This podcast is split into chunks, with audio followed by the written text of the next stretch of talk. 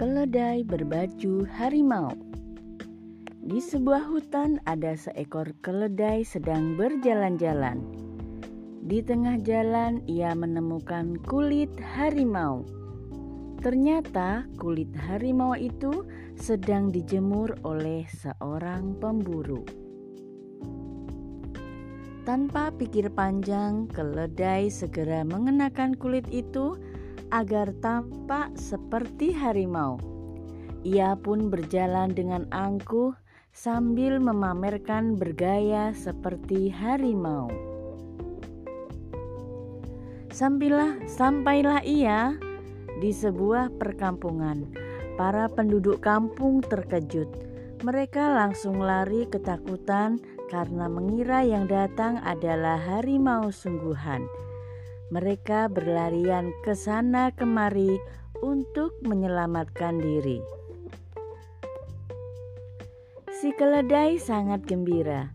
Ia merasa berhasil mengelabui penduduk kampung. Harimau palsu itu kemudian memakan semua makanan yang dijumpainya. Tidak ada yang berani menghalangi, menghalangi harimau itu karena takut diterkam. Karena begitu senangnya, keledai pun meringkik.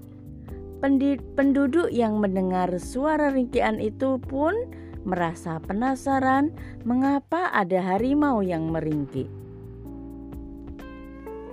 Akhirnya, mereka pun memberanikan diri mendekati harimau palsu itu. Salah seorang penduduk mengenali suara ringkian itu. Suara itu seperti suara keledai piaraannya. Didekati keledai itu perlahan. Aha, ternyata benar kamu adalah keledaiku. Aku mengenali suaramu yang berisik itu. Ayo, ikut aku kembali ke kandang. Pemilik keledai itu segera menggiring harimau gadungan itu ke kandang.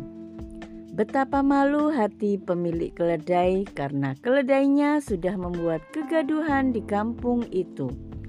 Keledai pun dihukum. Ia tertunduk lesu mengikuti langkah tuannya.